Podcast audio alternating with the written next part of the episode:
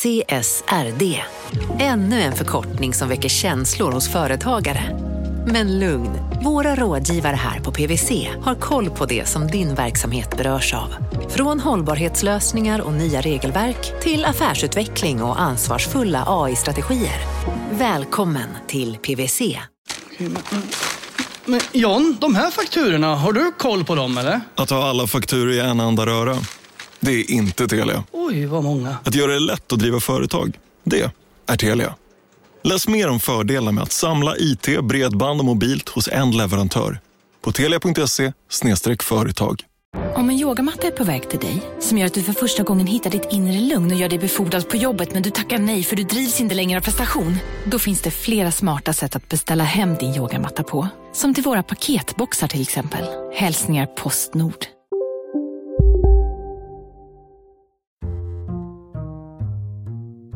I slutet av 1990-talet så hade David Bowie släppt skivor i nästan 30 år. Eh, det var en sak som han var rätt trött på. Var den saken att göra jättebra genreöverskridande popmusik? Det kanske han också var trött på, det vet jag inte. Men en sak som jag vet att han var trött på det var att eh, behöva dela royaltyintäkterna med sin före detta manager. De hade nämligen ett gammalt kontrakt som gjorde att de delade på rättigheterna till en massa låtar. Nej då.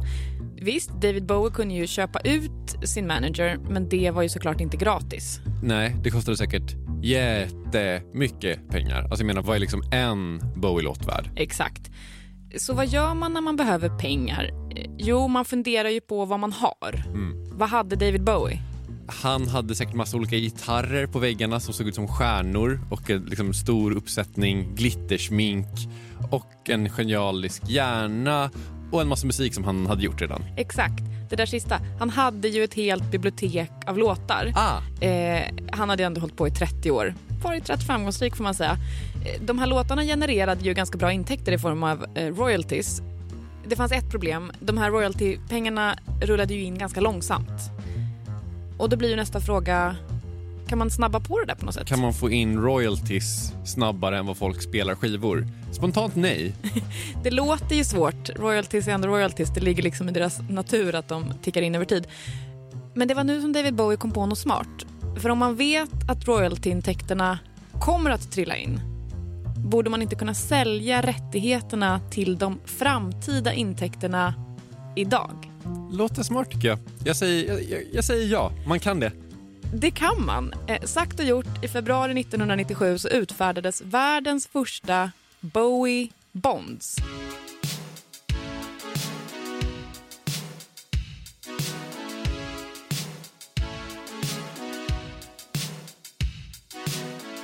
Det var inte särskilt svårt att hitta köpare eh, till det här. The Prudential Insurance Company of America köpte hela klabbet för 55 miljoner dollar. En talesperson från Prudential sa till New York Times att de var väldigt nöjda med sitt köp. This was a very good deal offering a superior return compared to the risk. Eh, investeringen hade en löptid på i snitt 10 år och eh, förväntad avkastning på 7,9 procent. Inte dumt alls. Eller hur? Och för David Bowie så betydde ju den här affären alltså 55 miljoner dollar rätt in i kassan, ka-ching, istället för över tid. Vilket tydligen då räckte för att han skulle kunna köpa ut sin manager. Slutet gott, allting gott. Tack för idag. Tack för idag. Eh, Vi spolar fram drygt tio år till den 12 januari 2009. Då kunde man läsa den här rubriken i den brittiska tabloidtidningen The Mirror. David Bowies back catalog bonds may have started the credit crunch.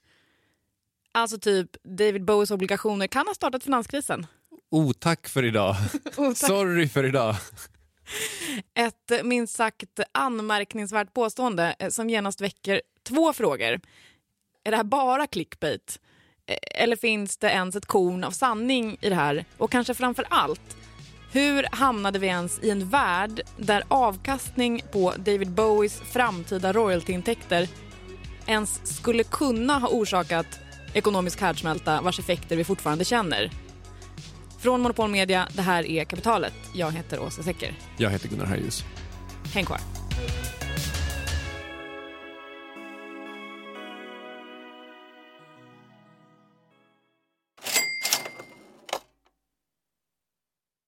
Vi sponsras av alltså Storbrand Asset Management som ju förvaltar över 1000 miljarder norska kronor, bland annat för SPPs eh, många pensionssparare.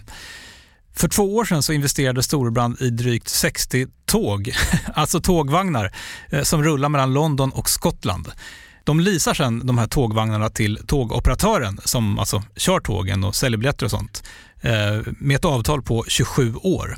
Så britterna får nya fina tåg och storbrandskunder, eh, däribland alltså SPPs pensionssparare, får en inflationsskyddad avkastning med låga risker under lång tid.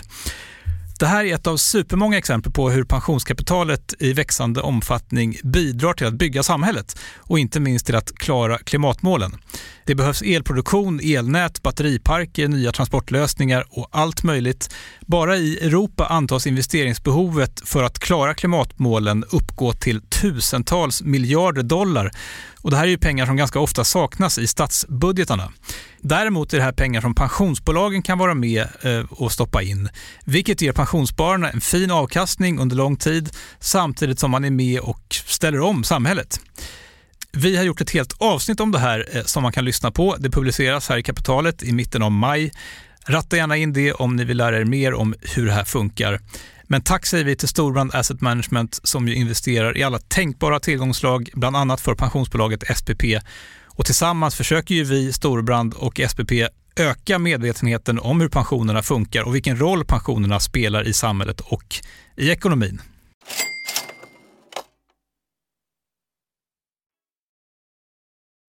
David Bowie, better known for making music than making money, has just sold 34 million pounds worth of bonds on Wall Street.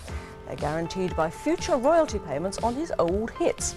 So will you ever be able to own a share in your 1997 så fick David Bowie en briljant idé. Istället för att vänta på att royaltyintäkterna från alla hans hitlåtar skulle liksom ticka in över tid så skapade han en obligation som byggde på de här framtida intäkterna och så sålde han den obligationen och cashade in på en gång istället. En obligation, bond på engelska, är alltså en skuld om någon har glömt det. Och, och den som går med på att låna ut pengar, alltså köpa någons obligation, får ju då betalt i form av ränta. Annars skulle man inte vilja låna ut de här pengarna slash köpa obligationen. Nu tjänar man ju någonting på det, det vill säga ränta. Eh, så i det här fallet Eh, Bowie var den som lånade pengar, det var han som sålde obligationen och det var då The Prudential Insurance Company of America som lånade ut pengar slash köpte obligationen. Bowie skapade obligationen, Prudential köpte obligationen. Exakt. Och Det här som David Bowie gjorde när han omvandlade sina framtida royaltyintäkter till en obligation som han sen sålde, det finns ju ett fint ord för det såklart. Det kallas för en värdepapperisering, securitization på engelska. Och Om man då vill försöka förstå hur vi hamnade här, alltså hur värdepapperisering, som ändå ganska många menar var en av orsakerna till att vi hade en finanskris 2008, ens blev en grej som man kunde göra, alltså att värdepapperisera. Hur långt tillbaka måste vi gå då? Ja, du får akta dig när du frågar en historiker. Livsfarligt, det är så gammalt. Verkligen. Just den här historikern heter... Oskar Broberg. Jag är docent i ekonomisk historia vid Handelshögskolan i Göteborg. Eh, och sen är jag också ansvarig för samhällsanalysprogrammet som är en eh, treårig kandidatutbildning här på skolan som kombinerar ihop eh, ekonomi med bredare samhällsvetenskapliga studier. Eh, jag hamnade här för att eh, Sverige hade en bankkris eh, i början på 90-talet och då läste jag på gymnasiet. Eh, så skrev jag ett arbete om det och insåg att det arbetet kom istället att handla om bankverksamhet på 1500-talet. Okay. Så då insåg jag att jag var intresserad av ekonomi men det där med historia också. Så att eh, då hamnade jag här. Ekonomisk historia låter onekligen som helt rätt grej för Oskar. Eh, och jag antar att han är med i det här avsnittet för att han kan förklara vad värdepapperisering är för någonting. Ja, man kan ju förstås eh, börja, man kan börja på väldigt många olika punkter. Men, jag tänker att en möjlig utgångspunkt det är att se det här att i en kapitalistisk ekonomi så, så kommer frågan om kapital hela tiden att vara väldigt central och i vilken utsträckning som ens kapital är låst eller flexibelt. Kan Oskar utveckla tack? Om du till exempel tar ett, eh, ett modernt företag som eh, äger en fabrik och sen så tillverkar man något och så är man världsbäst på det man tillverkar. Ehm, då kan det komma in en konsult där och säga att men eh, ska ni inte sälja av er fabrik? Det är ju helt idiotiskt att ni äger den. Ni är ju bäst på att tillverka skor, ska ni inte bara göra det? Ni har ju bundit upp massa kapital i de här byggnaderna. Pengar alltså? Eh, pengar alltså, ja. Ehm, och ehm, det det är väl bättre att ni eh, säljer en eh, fastighet till ett fastighetsbolag som är bäst på att sköta fastigheter. Då får ni loss 100 miljoner. Så kan ni investera det i eh, någon ny tillverkningsenhet för, för, för det som ni är bäst på. Eh, och den logiken egentligen är det som på många sätt eh, är underliggande i liksom bredare eh, liksom företagsekonomisk utveckling men också det som, då, det som man sen pra- pratar om som eh, värdepapperisering mera specifikt. Som vi alla vet så är det här en mikrovariant av den rikardianska modellen över komparativa fördelar. Som vi alla vet. Ja, eh, huset där fabriken ligger går ju inte att köpa grejer för. Det är det han försöker säga. Eh, men får man loss kontanter för huset så kan man investera de kontanterna i nya saker.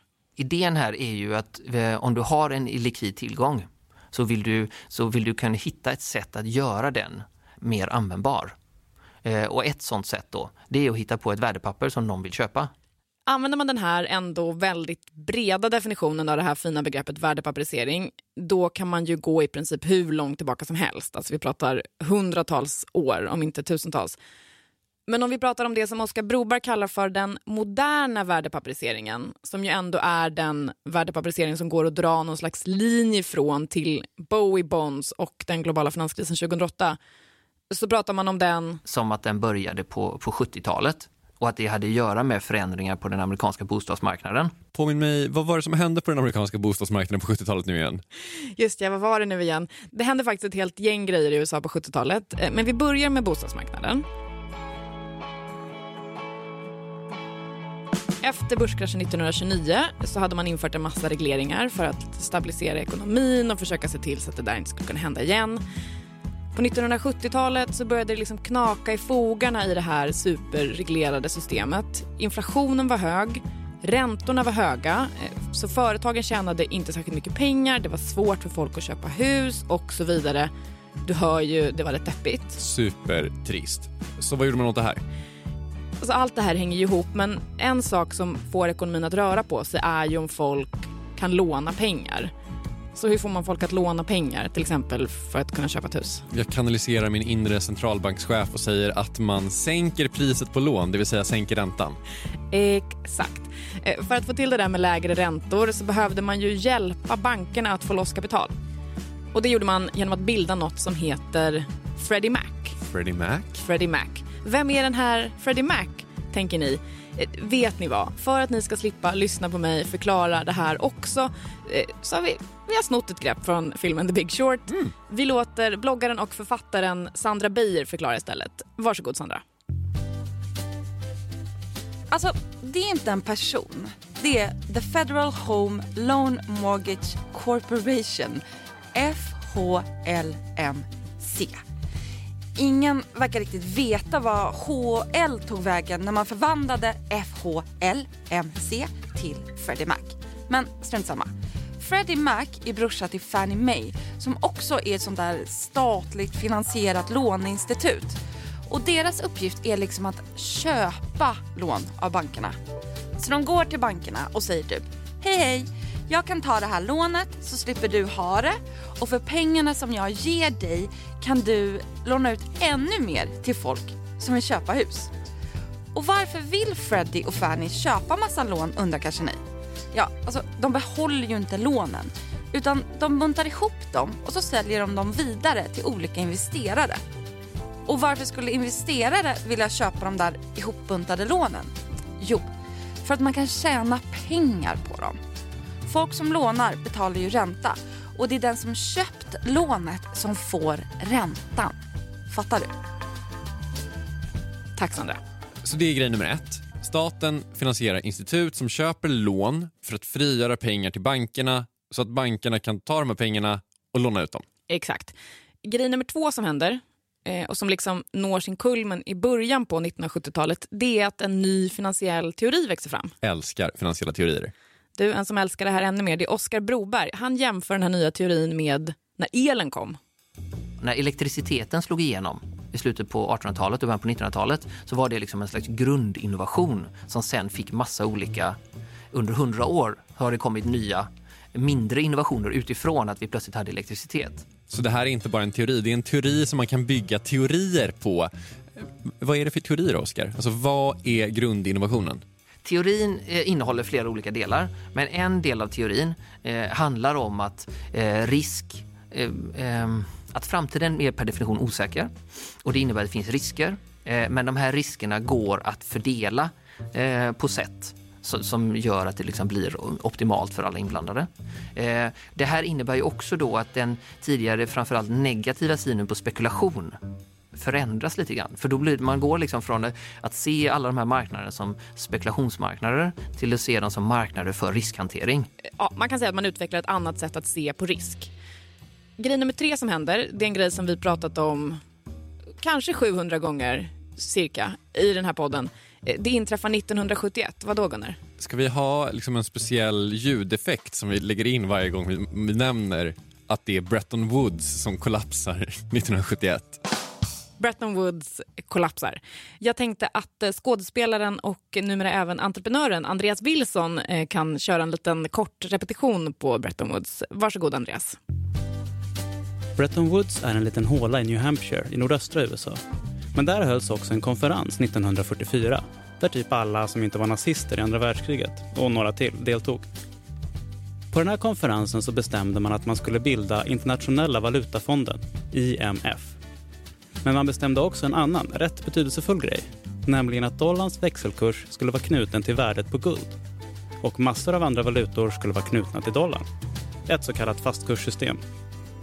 Det här underlättade såklart för internationell handel och var stabilt som snus mellan 1944 och 1971. Det kollapsade. Eh, och då var lite frågan, jaha, men vad ska, vad, vad ska hända nu? Och det var ju ett gyllene tillfälle kan man säga för den här nya teorin och visa hur man faktiskt kunde göra sig nyttig. Eh, och då var det så att det fanns eh, en eh, finansmarknad i Chicago vid den här tiden som egentligen hade rötterna tillbaks till spannmålshandeln på 1850-talet. Ehm, så, så där hade man, man handlade i spannmål och man handlade i ägg och fläsk och, och allt möjligt. Där såg man nu möjligheten i att ja, men vi ska handla med valutor också. Så under Bretton Woods så fanns det liksom ingen poäng att spekulera i valutor för att många valutor var kopplade till dollarn. Vad fanns det att spekulera i? Liksom? Men nu släppte man allting fritt, så nu kan man då spekulera för nu är Bretton Woods long gone och växelkurser är inte längre fasta. Precis. Eh, Så vissa skulle hävda att om man, om man ritar upp det så ser man liksom hur en död patient plötsligt kommer till liv. Liksom. Medan andra då ser det som starten på en ny liksom, spekulationsvåg.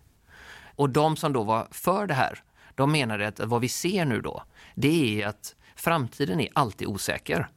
Eh, det är den per definition. Eh, och det här innebär risker. Eh, och det innebär risker för, ehm, för länder, men det också innebär risker för företag.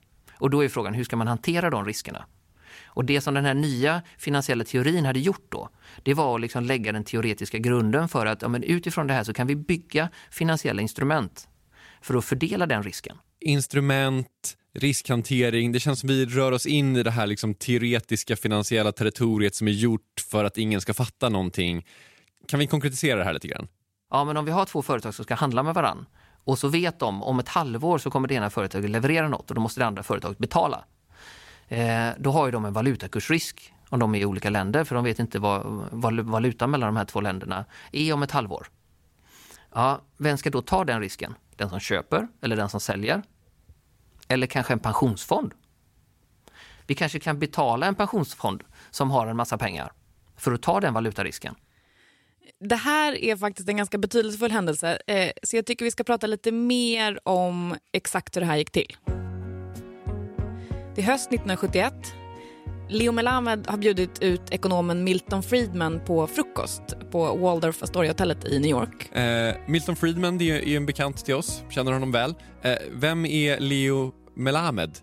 Alltså 1971 så var Leo Melamed ordförande för um, Chicago's Mercantile Exchange eh, som är den här finansmarknaden i Chicago som Oskar Broberg pratade om förut. Det är väl ett rätt credit jobb eh, kan man väl säga. Men alltså, i jämförelse med Milton Friedman så är han ju en nobody såklart. Milton är ju superstjärna på 70-talet. Och varför har Leo Melamed bjudit ut en superstjärna på frukost? Varför inte? Eh, nej men så här, för att eh, Leo vill fråga Milton en grej. Eh, han undrar om Milton Friedman tycker att det är en bra idé att försöka lansera terminshandel med valutor eh, på den här marknaden i Chicago för att fatta det här så måste man liksom fatta vad terminshandel är. Eh, det här låter komplicerat men det är faktiskt så enkelt att ett barn kan förklara. Varsågod, Sally, sju år. Terminshandel är att handla med kontrakt. Eh, och det gör man för att antingen försäkra sig mot framtida prisändringar eller för att betta på framtida prisändringar och alltså försöka tjäna pengar. Vi kan ta kaffe som exempel. Om du är den som producerar kaffe så vill du kanske försäkra dig om att du kan sälja dina kaffebönor till ett visst pris om tre månader. Då kan du ingå ett terminskontrakt med någon som tänker tvärtom. Att de vill försäkra sig mot att priset inte är för högt när de ska köpa kaffebönor om tre månader. Och så finns det ju också de som köper och säljer sådana här kontrakt utan att vara intresserade av själva kaffet. De vill bara betta på prisförändringen och alltså försöka tjäna pengar. Tack så mycket Sally, sju år. Och, och vad säger Friedman när Melamed säger att han vill starta terminshandel med valutor på den här Chicago-börsen? Han säger att han tycker att det är en jättebra idé.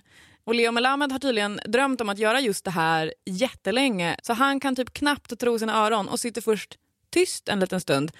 Men sen får han ur sig ungefär men ingen kommer ju tro mig när jag säger att du har sagt det här. Du måste skriva ner det. Och, och vad, vad svarar Milton på det? Eh, Milton säger, du vet att jag är kapitalist va? Kul han är. Han försöker i alla Ja. fall, det får man ge honom. Så här, de gör upp om att Milton Friedman ska knoppa ihop en så kallad genomförbarhetsstudie. Alltså han ska plita ner lite vad han tänker om det här. Och han ska få 7500 dollar för det. Så Milton ska skriva ner det han sa och få skitmycket deg för det. Exakt. Eh, och Friedman skrider till verket. Han skriver sju sidor eh, med rubriken The need for futures markets in currencies. Futures är alltså terminer på engelska. Eh, Och, och, och Melamed tar den här sjusidiga rapporten och gör vad då? Jo, men han tar med sig de här sju sidorna till den nytillträdde finansministern George Schultz. Eh, och när han har förklarat vad det är han vill göra så säger Schultz Listen, Mr. Malaman. If it's good enough for Milton, it's good enough for me. Och vips så kunde man terminshandla med valutakurser. Ska vi sammanfatta lite kanske? Eh, ja. 1. Den amerikanska ekonomin går sådär och staten vill att folk ska börja låna pengar eh, så de bildar finansiella institut med konstiga namn som Fannie och Freddie och de här instituten köper lån av bankerna så att bankerna kan låna ut mer pengar. Två. En ny finansiell teori växer fram. Den handlar bland annat om att eh, fördela risk så att alla blir glada. 3. Bretton Woods kollapsar, ljudeffekt tack. Och Det betyder att det går att handla med valutor eftersom att växelkurserna inte är låsta längre. 4. En kille som heter Leo får med sig Milton Friedman på idén att börja handla med valutaterminer i Chicago. Och vad händer sen? I många lägen med finans, om du kommer på något fantastiskt så är det bara att lägga på nollor. Och har du dessutom en, en, eh, eh, en kreditmarknad eller kapitalmarknad där du kan få in mycket pengar, där du, om du kan övertala dem att du har världens bästa affärsidé, så kan det snabbt bli väldigt, väldigt stort. Hur snabbt och hur stort efter det här? Kapitalet sponsras av Master Exchange, plattformen där du som privatperson kan investera i låtar och får pengar varje gång de här låtarna spelas. Eh, vi berättade ju senast eh, om barnlåten Puff the Magic Dragon som noterades av Master Exchange under våren. Nu har utdelningen på den låten kommit, eller royaltyn som vi säger i musikbranschen. Eh, den ligger på drygt 12% i årstakt och det här är ju en avkastning som är helt okorrelerad till börsen. Till och med Goldman Sachs har börjat skriva om just musik som investering just ur det här perspektivet.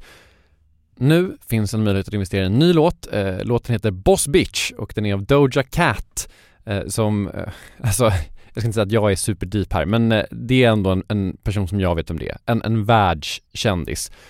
Den här låten gav baserad på förra årets spelningar en avkastning på drygt 13% Master Exchange har just nu en väntelista på registreringar. Det, det går lite för bra för dem kan man säga. Men skriver ni in kapitalet som promo code så kan ni runda kön och ansöka om andelar i låten Boss Bitch ändå. Om ni investerar helt vanliga pengar, det är inget krypto eller sånt där, så vill du investera i musik och få en avkastning som är helt okorrelerad med börsen och kanske inte minst för att det är kul att äga låtar eh, så kan man gå in på masterexchange.com och använda kapitalet som promo code så går man alltså förbi kön. Kom ihåg dock att alla investeringar är förenade med risk, men vi säger stort, stort tack till Master Exchange. Kapitalet sponsras av Karla, Jakob. Ja, bilar igen. Ja, det är härligt. På Karla kan man sälja sin elbil eh, på det gissningsvis smidigaste sättet i Sverige. Eh, Karla har ju ett fakt- nästan ett komiskt högt användarbetyg på Trustpilot. Mm. 4,8 av 5, vilket jag typ aldrig hört talas om. Nej, det är väldigt, väldigt högt. Eh, Man knappar in lite info om bilen på sidan, sen får man en gratis värdering och ett bud. Accepterar du budet kommer Karla och hämtar upp bilen gratis och sätter in pengarna innan de kör iväg. Inget mer än så. Rätt fantastiskt. Nej, det är faktiskt Ja. helt otroligt. Och eh, det kan bli ännu mer eh, otroligt än så. eh, För att vi har nämligen en rabattkod som ger dig 2000 kronor extra för bilen. Så om du säljer din bil så får du två lax extra. Stämmer. Bara sådär. Eh, koden är Monopol. Och eh, den uppger du när du har värderat bilen och eh, pratat med Karlas inköpare. Koden är giltig till sista maj, så att eh, passa på om du går i säljartankar. Jag undrar om vi haft en kod som har gett två lax bara sådär någon gång. Nej. Det är helt otroligt. Man behöver en bil förvisso. Absolut, så det är inte, kanske inte bara sådär, men det är ändå 2000 kronor extra. Väldigt bra. Ja. Så sälj din elbil eller laddhybrid till Karla. Du får 2000 kronor extra med rabattkoden Monopol. Eh, hoppa in och kolla på karla.se, Karla C. Där kan man också köpa bilar ska jag tillägga. Verkligen. Vi säger stort tack till Karla. Vi pratade ju om Freddie och Fannie som alltså inte är personer utan de här amerikanska bolåneinstituten som köpte lån av bankerna så att bankerna skulle få loss mer cash att låna ut till folk som vill köpa hus.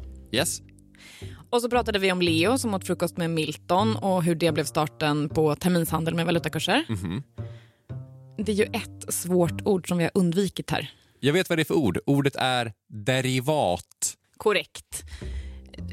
Och vad är derivat nu igen, undrar ni kanske? Jag tänkte att eh, före detta Dr. Cosmos-sångaren och biofilmsaktuell Uje Brandelius eh, skulle kunna få förklara det. Uje! Förklara! Finansbranschen älskar ju att få saker att låta sjukt komplicerat. Men det är inte så krångligt. Derivat på engelska blir ju derivative, som såklart kommer från derives, som betyder härstammar ifrån. Så när man pratar om derivat i finansiella termer så kan man säga att värdet på ett derivatinstrument alltid grundar sig på en underliggande tillgång. Och den här underliggande tillgången, det kan vara vad som helst. Typ en aktie eller en obligation som består av en massa, massa huslån. Det som är värt någonting då är ju husen.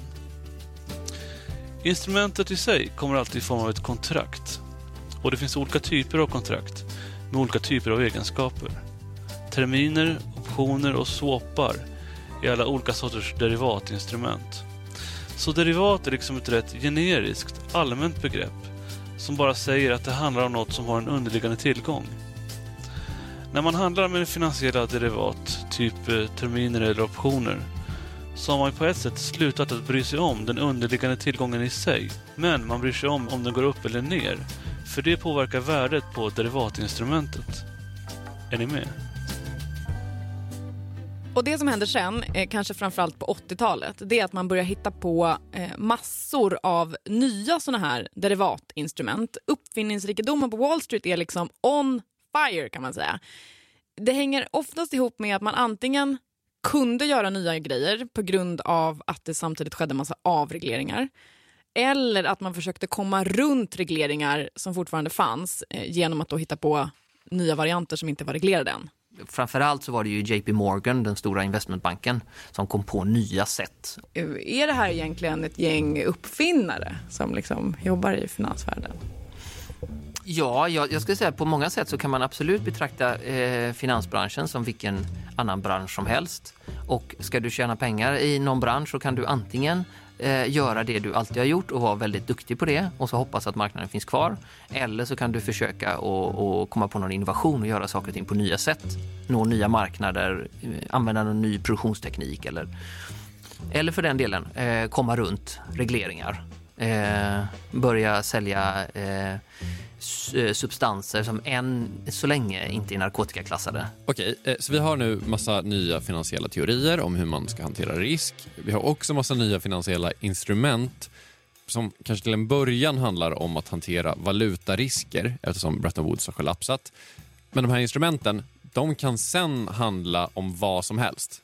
Plus en massa avregleringar som görs för att finansbranschen lyckas övertyga politikerna om att de måste tillåta de här nya instrumenten eftersom att de hanterar risk. Och det är bra. Mm. Men kommer du ihåg vad Oskar sa precis innan reklamen? Eh, påminn mig tack. I många lägen med finans, om du kommer på något fantastiskt, så är det bara att lägga på nollor. Och har du dessutom en, en, eh, eh, en kreditmarknad eller kapitalmarknad där du kan få in mycket pengar, där du, om du kan övertala dem att du har världens bästa affärsidé, så kan det snabbt bli väldigt, väldigt stort. Och vad händer när något växer väldigt snabbt och blir väldigt stort? Någon tjänar väldigt mycket pengar. Absolut. En annan sak som också kan hända det är att man vad ska vi säga, tappar kontakten med verkligheten lite grann. Det kan liksom bli lite otydligt vad det är man håller på med egentligen. Eh, För att göra det här eh, tydligt precis hur snabbt de här marknaderna växte så tänker jag att du ska få lite hårda siffror. Underbart. Hårda siffror kommer här. De finansiella tillgångarna, alltså alla de här derivaten och terminerna, obligationerna och allt det här som vi har pratat om. Deras andel av världsekonomins totala produktion, alltså globala BNP, ökade från 109 procent 1980 till 316 procent 2005. Och då ska man komma ihåg att produktionen också växte jättemycket under de här åren. Så globala BNP ökar jättemycket, men finansmarknaderna växte tre gånger så snabbt. Om man kollar på den här derivathandeln specifikt så gick den alltså från ingenting i början av 70-talet till 500 miljarder dollar i utestående kontrakt eh, i mitten av 80-talet. Vilka hårda siffror, tack för dem. Varsågod. En anledning till att det kan växa så snabbt är att man i en rasande takt hittar på en massa nya varianter på den här derivathandeln. Alltså man hittar på en massa nya finansiella instrument helt enkelt. Oskar kallade det här för ett muterat virus. Det tyckte jag var lite kul. Eh, och alla de här varianterna har såklart massa fina förkortningar. CDS, CDO, CMO, IRS, MBB, du hör ju. Det är lika många förkortningar som den där Tage Danielsson-dikten om att livet är kort. Och i mitten av 90-talet så börjar det liksom, det börjar bli lite rörigt. I mars 94 så publicerar tidningen Fortune en artikel med rubriken The risk that won't go away. Ingressen låter så här. Like alligators in a swamp, derivatives, alltså derivat, lurk in the global economy. Even the CEOs of companies that use them don't understand them. Da, da, da. Va, var det så illa? Ja, det, det tror jag absolut att det i många fall var. Ehm, och det är ju... Ehm, alltså det är ju en ständig balansgång eh, inom finansbranschen. Man kan ju säga att det är vilken bransch som helst. Eh, ibland har man ju pratat om, om de här nya finansiella derivaten som eh, eh, Financial Instrument of Mass Destruction. Eh, jag intervjuade finanschefen på SKF eh, för ett antal år sedan som, eh, som illustrerade det när han sa liksom att våran eh, derivatavdelning här som ska ta hand om alla våra flöden för att optimera det på ett bra sätt. De är ju bara några stycken. De kan ta ner hela SKF om de gör fel. Vi ska säga att SKF är ett företag med 43 000 anställda. Eh, och de här några stycken eh, som jobbar med derivat kan alltså sänka hela det här jättebolaget. Vi säger att de är åtta, så att 42 992 jobbar med kullager, åtta jobbar med att inte sänka hela företaget. Det finns ju heller ingen intuitiv anledning till att de ens ska ha en derivatavdelning. De gör ju kullager. Välkommen till en värld som har värdepaperiserats. Så att där är det klart att det är jätteviktigt att de som håller på med det förstår. Det är också jätteviktigt att de som ska reglera det lagstiftningsmässigt förstår. Och inte bara då att en liten klick i ett företag förstår utan att även företagsledningen och alltihopa. Eh, och, och eh, när de här derivatinstrumenten kom på 80-talet så ett av de företagen som, eh, som var inblandade i, i, i Sverige då var, var Handelsbanken. Och eh, när jag intervjuade en, en, eh, en av de cheferna som var med på den tiden som eh, liksom då satt i en position när det kom unga, framförallt grabbar, som hade läst på den här nya teorin och som sa ah, vi tänker vi ska göra så här och så här. Då var hans utgångspunkt hela tiden, ja, om ni kan förklara för mig så jag förstår. Eh, och jag kan inte den här teorin. Kan ni förklara för mig så jag förstår så jag tycker det låter vettigt, då kan vi köra. Inte annars. Eh, Tror du att alla gjorde som killen på Handelsbanken? Min gissning är eh, nej. Lehman Brothers is going bankrupt, and financial markets from Asia to Europe are doing their utmost to prevent Monday from turning from dark to black. Instrumenten hade blivit jättemånga och jättekomplicerade. Eh, Det fanns ingen transparens. Eh, Och sen hände ju det som ingen trodde skulle hända, nämligen att bostadsmarknaden i USA kollapsade. Och en inte helt ovanlig underliggande tillgång i all den här derivathandeln var ju bostadslån. Här kanske man ska flika in då att det som hade hänt också var ju att man hade beviljat bostadslån till personer som kanske inte borde ha beviljats lån. Alltså folk som inte hade någon stabil inkomst eller sådär. För att man tänkte att bostadspriserna skulle fortsätta stiga, för det hade de alltid gjort. Precis. Och eftersom att bankerna ändå bara Eh, liksom buntade ihop de här lånen och sålde dem vidare så, så brydde ju inte de sig jättemycket om risken att folk inte skulle kunna betala tillbaka. Men eftersom att de här lånen var underliggande tillgång i massor av de här finansiella instrumenten eh, så får det eh, jättemycket ringar på vattnet när bostadsbubblan väl spricker. Det vill säga en massa människor kan inte betala sina lån längre. Det är det som är att det spricker. Sen visade det sig dessutom att kreditvärderingsinstituten som skulle bedöma riskerna när alla de här nya flådeinstrumenten skulle användas, de hade totalt missbedömt riskerna. Och Då, eh, då smäller det. jag vet inte hur du känner, men jag kan känna lite när man pratar om det här att man liksom har fått en bild av att det var en massa mer eller mindre giriga slash lite korkade finansvalpar som satt och tjänade en massa pengar på sånt som de visste var skit eh, och sen så fick skattebetalarna betala kalaset när det sprack. Riktigt så enkelt var det ju såklart inte, inte enligt Oskar Broberg i alla fall. Det finns en eh, holländsk journalist som jag nu har glömt namnet på, men som, har, som, har, som skrev en bok för ett par år sedan om liksom den eh, moderna finansbranschen. Den här holländska journalisten heter Joris Luyendijk och boken heter Simma med hajar, by the way. Rekommenderar. Och hans eh, liksom övergripande bild av detta är att vi sitter i ett flygplan där cockpiten är tom. Och att vi gärna vi vill gärna ha bilden av att det är några mastermind som har suttit och dratt upp någon, liksom, någon elak plan. Sådär. Eh, så tror inte jag att det är. Utan det handlar snarare om att eh, det finansiella är så tätt invävt i den moderna ekonomin på livets alla områden. Liksom. Eh, och då, blir, då är det komplext. Eh, men den har också den här inneboende instabiliteten som gör att det snabbt kan få väldigt stora, eh, stora konsekvenser. Det är ju i och för sig en ännu läskigare bild. Ett flygplan med en tom cockpit. Alltså jag som är lite flygrädd vill inte ens tänka den tanken. Eh, Det som Oskar Broberg vill säga är väl att det liksom inte finns en person som har tänkt ut allt och sen kört alltihopa i botten med flit. Men sen sa Oskar Broberg en sak till som jag tycker är väldigt intressant apropå det här med hur komplicerat finans kan verka.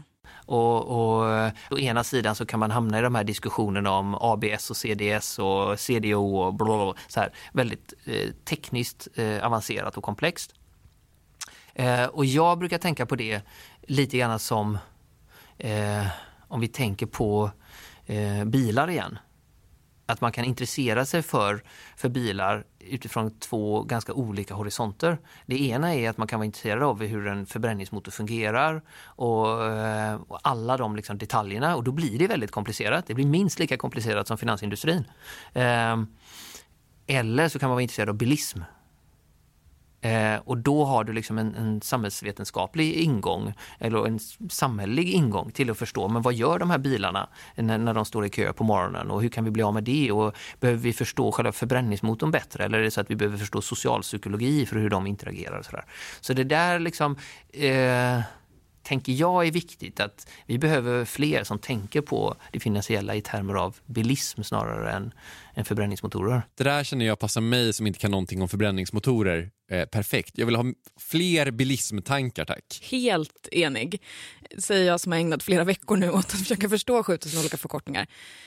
Absolut. Men du, eh, vi börjar närma oss slutet och jag känner att vi måste ju liksom sluta där vi började. För att hela det här avsnittet började med David Bowie och att vi skulle försöka förklara hur det liksom blev så att David Bowie skapade obligationer 1997 som The Mirror sen sa var en av orsakerna till finanskrisen 2008. Ja, eh, var finanskrisen David Bowies fel, eller? Nej. Alltså, är det någonting man vet om, om, eh, om finanshistoria så är det så här att i efterhand så, så eh, älskar vi människor att hitta på historier där vi gärna vill måla ut eh, en person som ansvarig. Och det finns några eh, undantag ska jag säga, där enskilda personer har spelat en, en väldigt stor roll. David Bowie är, eh, var inte en sån person. Så här, det som The Mirror på något sätt vill hävda är väl att Bowie var först och att bankerna hakade på. Men kan man i alla fall lite grann om finansiell historia så vet man att det där hade ju bankerna såklart redan fattat. De hade kanske bara inte varit så himla intresserade av att göra det med just royalties. Så David Bowie, tack och lov, oskyldig. Helt oskyldig. Med det raka och tydliga beskedet så är kapitalet slut för idag. Eh, Stort tack till Oskar Broberg som så tålmodigt förklarade typ hela finansbranschen för mig. Jag heter Åsa Secker. Du heter Gunnar Harjus. Vår ljudtekniker som har slutmixat heter Kristoffer Krook. Jakob Bursell heter vår chef. På Instagram heter vi Kapitalet och vill ni lyssna på den här podden helt utan reklam då ska ni gå med i styrelsen. Det kostar 49 kronor i månaden och det gör man hur då Gunnar? Kapitalet.se support. Kapitalet.se support. Kapitalet.se support. Kapitalet. Hej då. Hej då.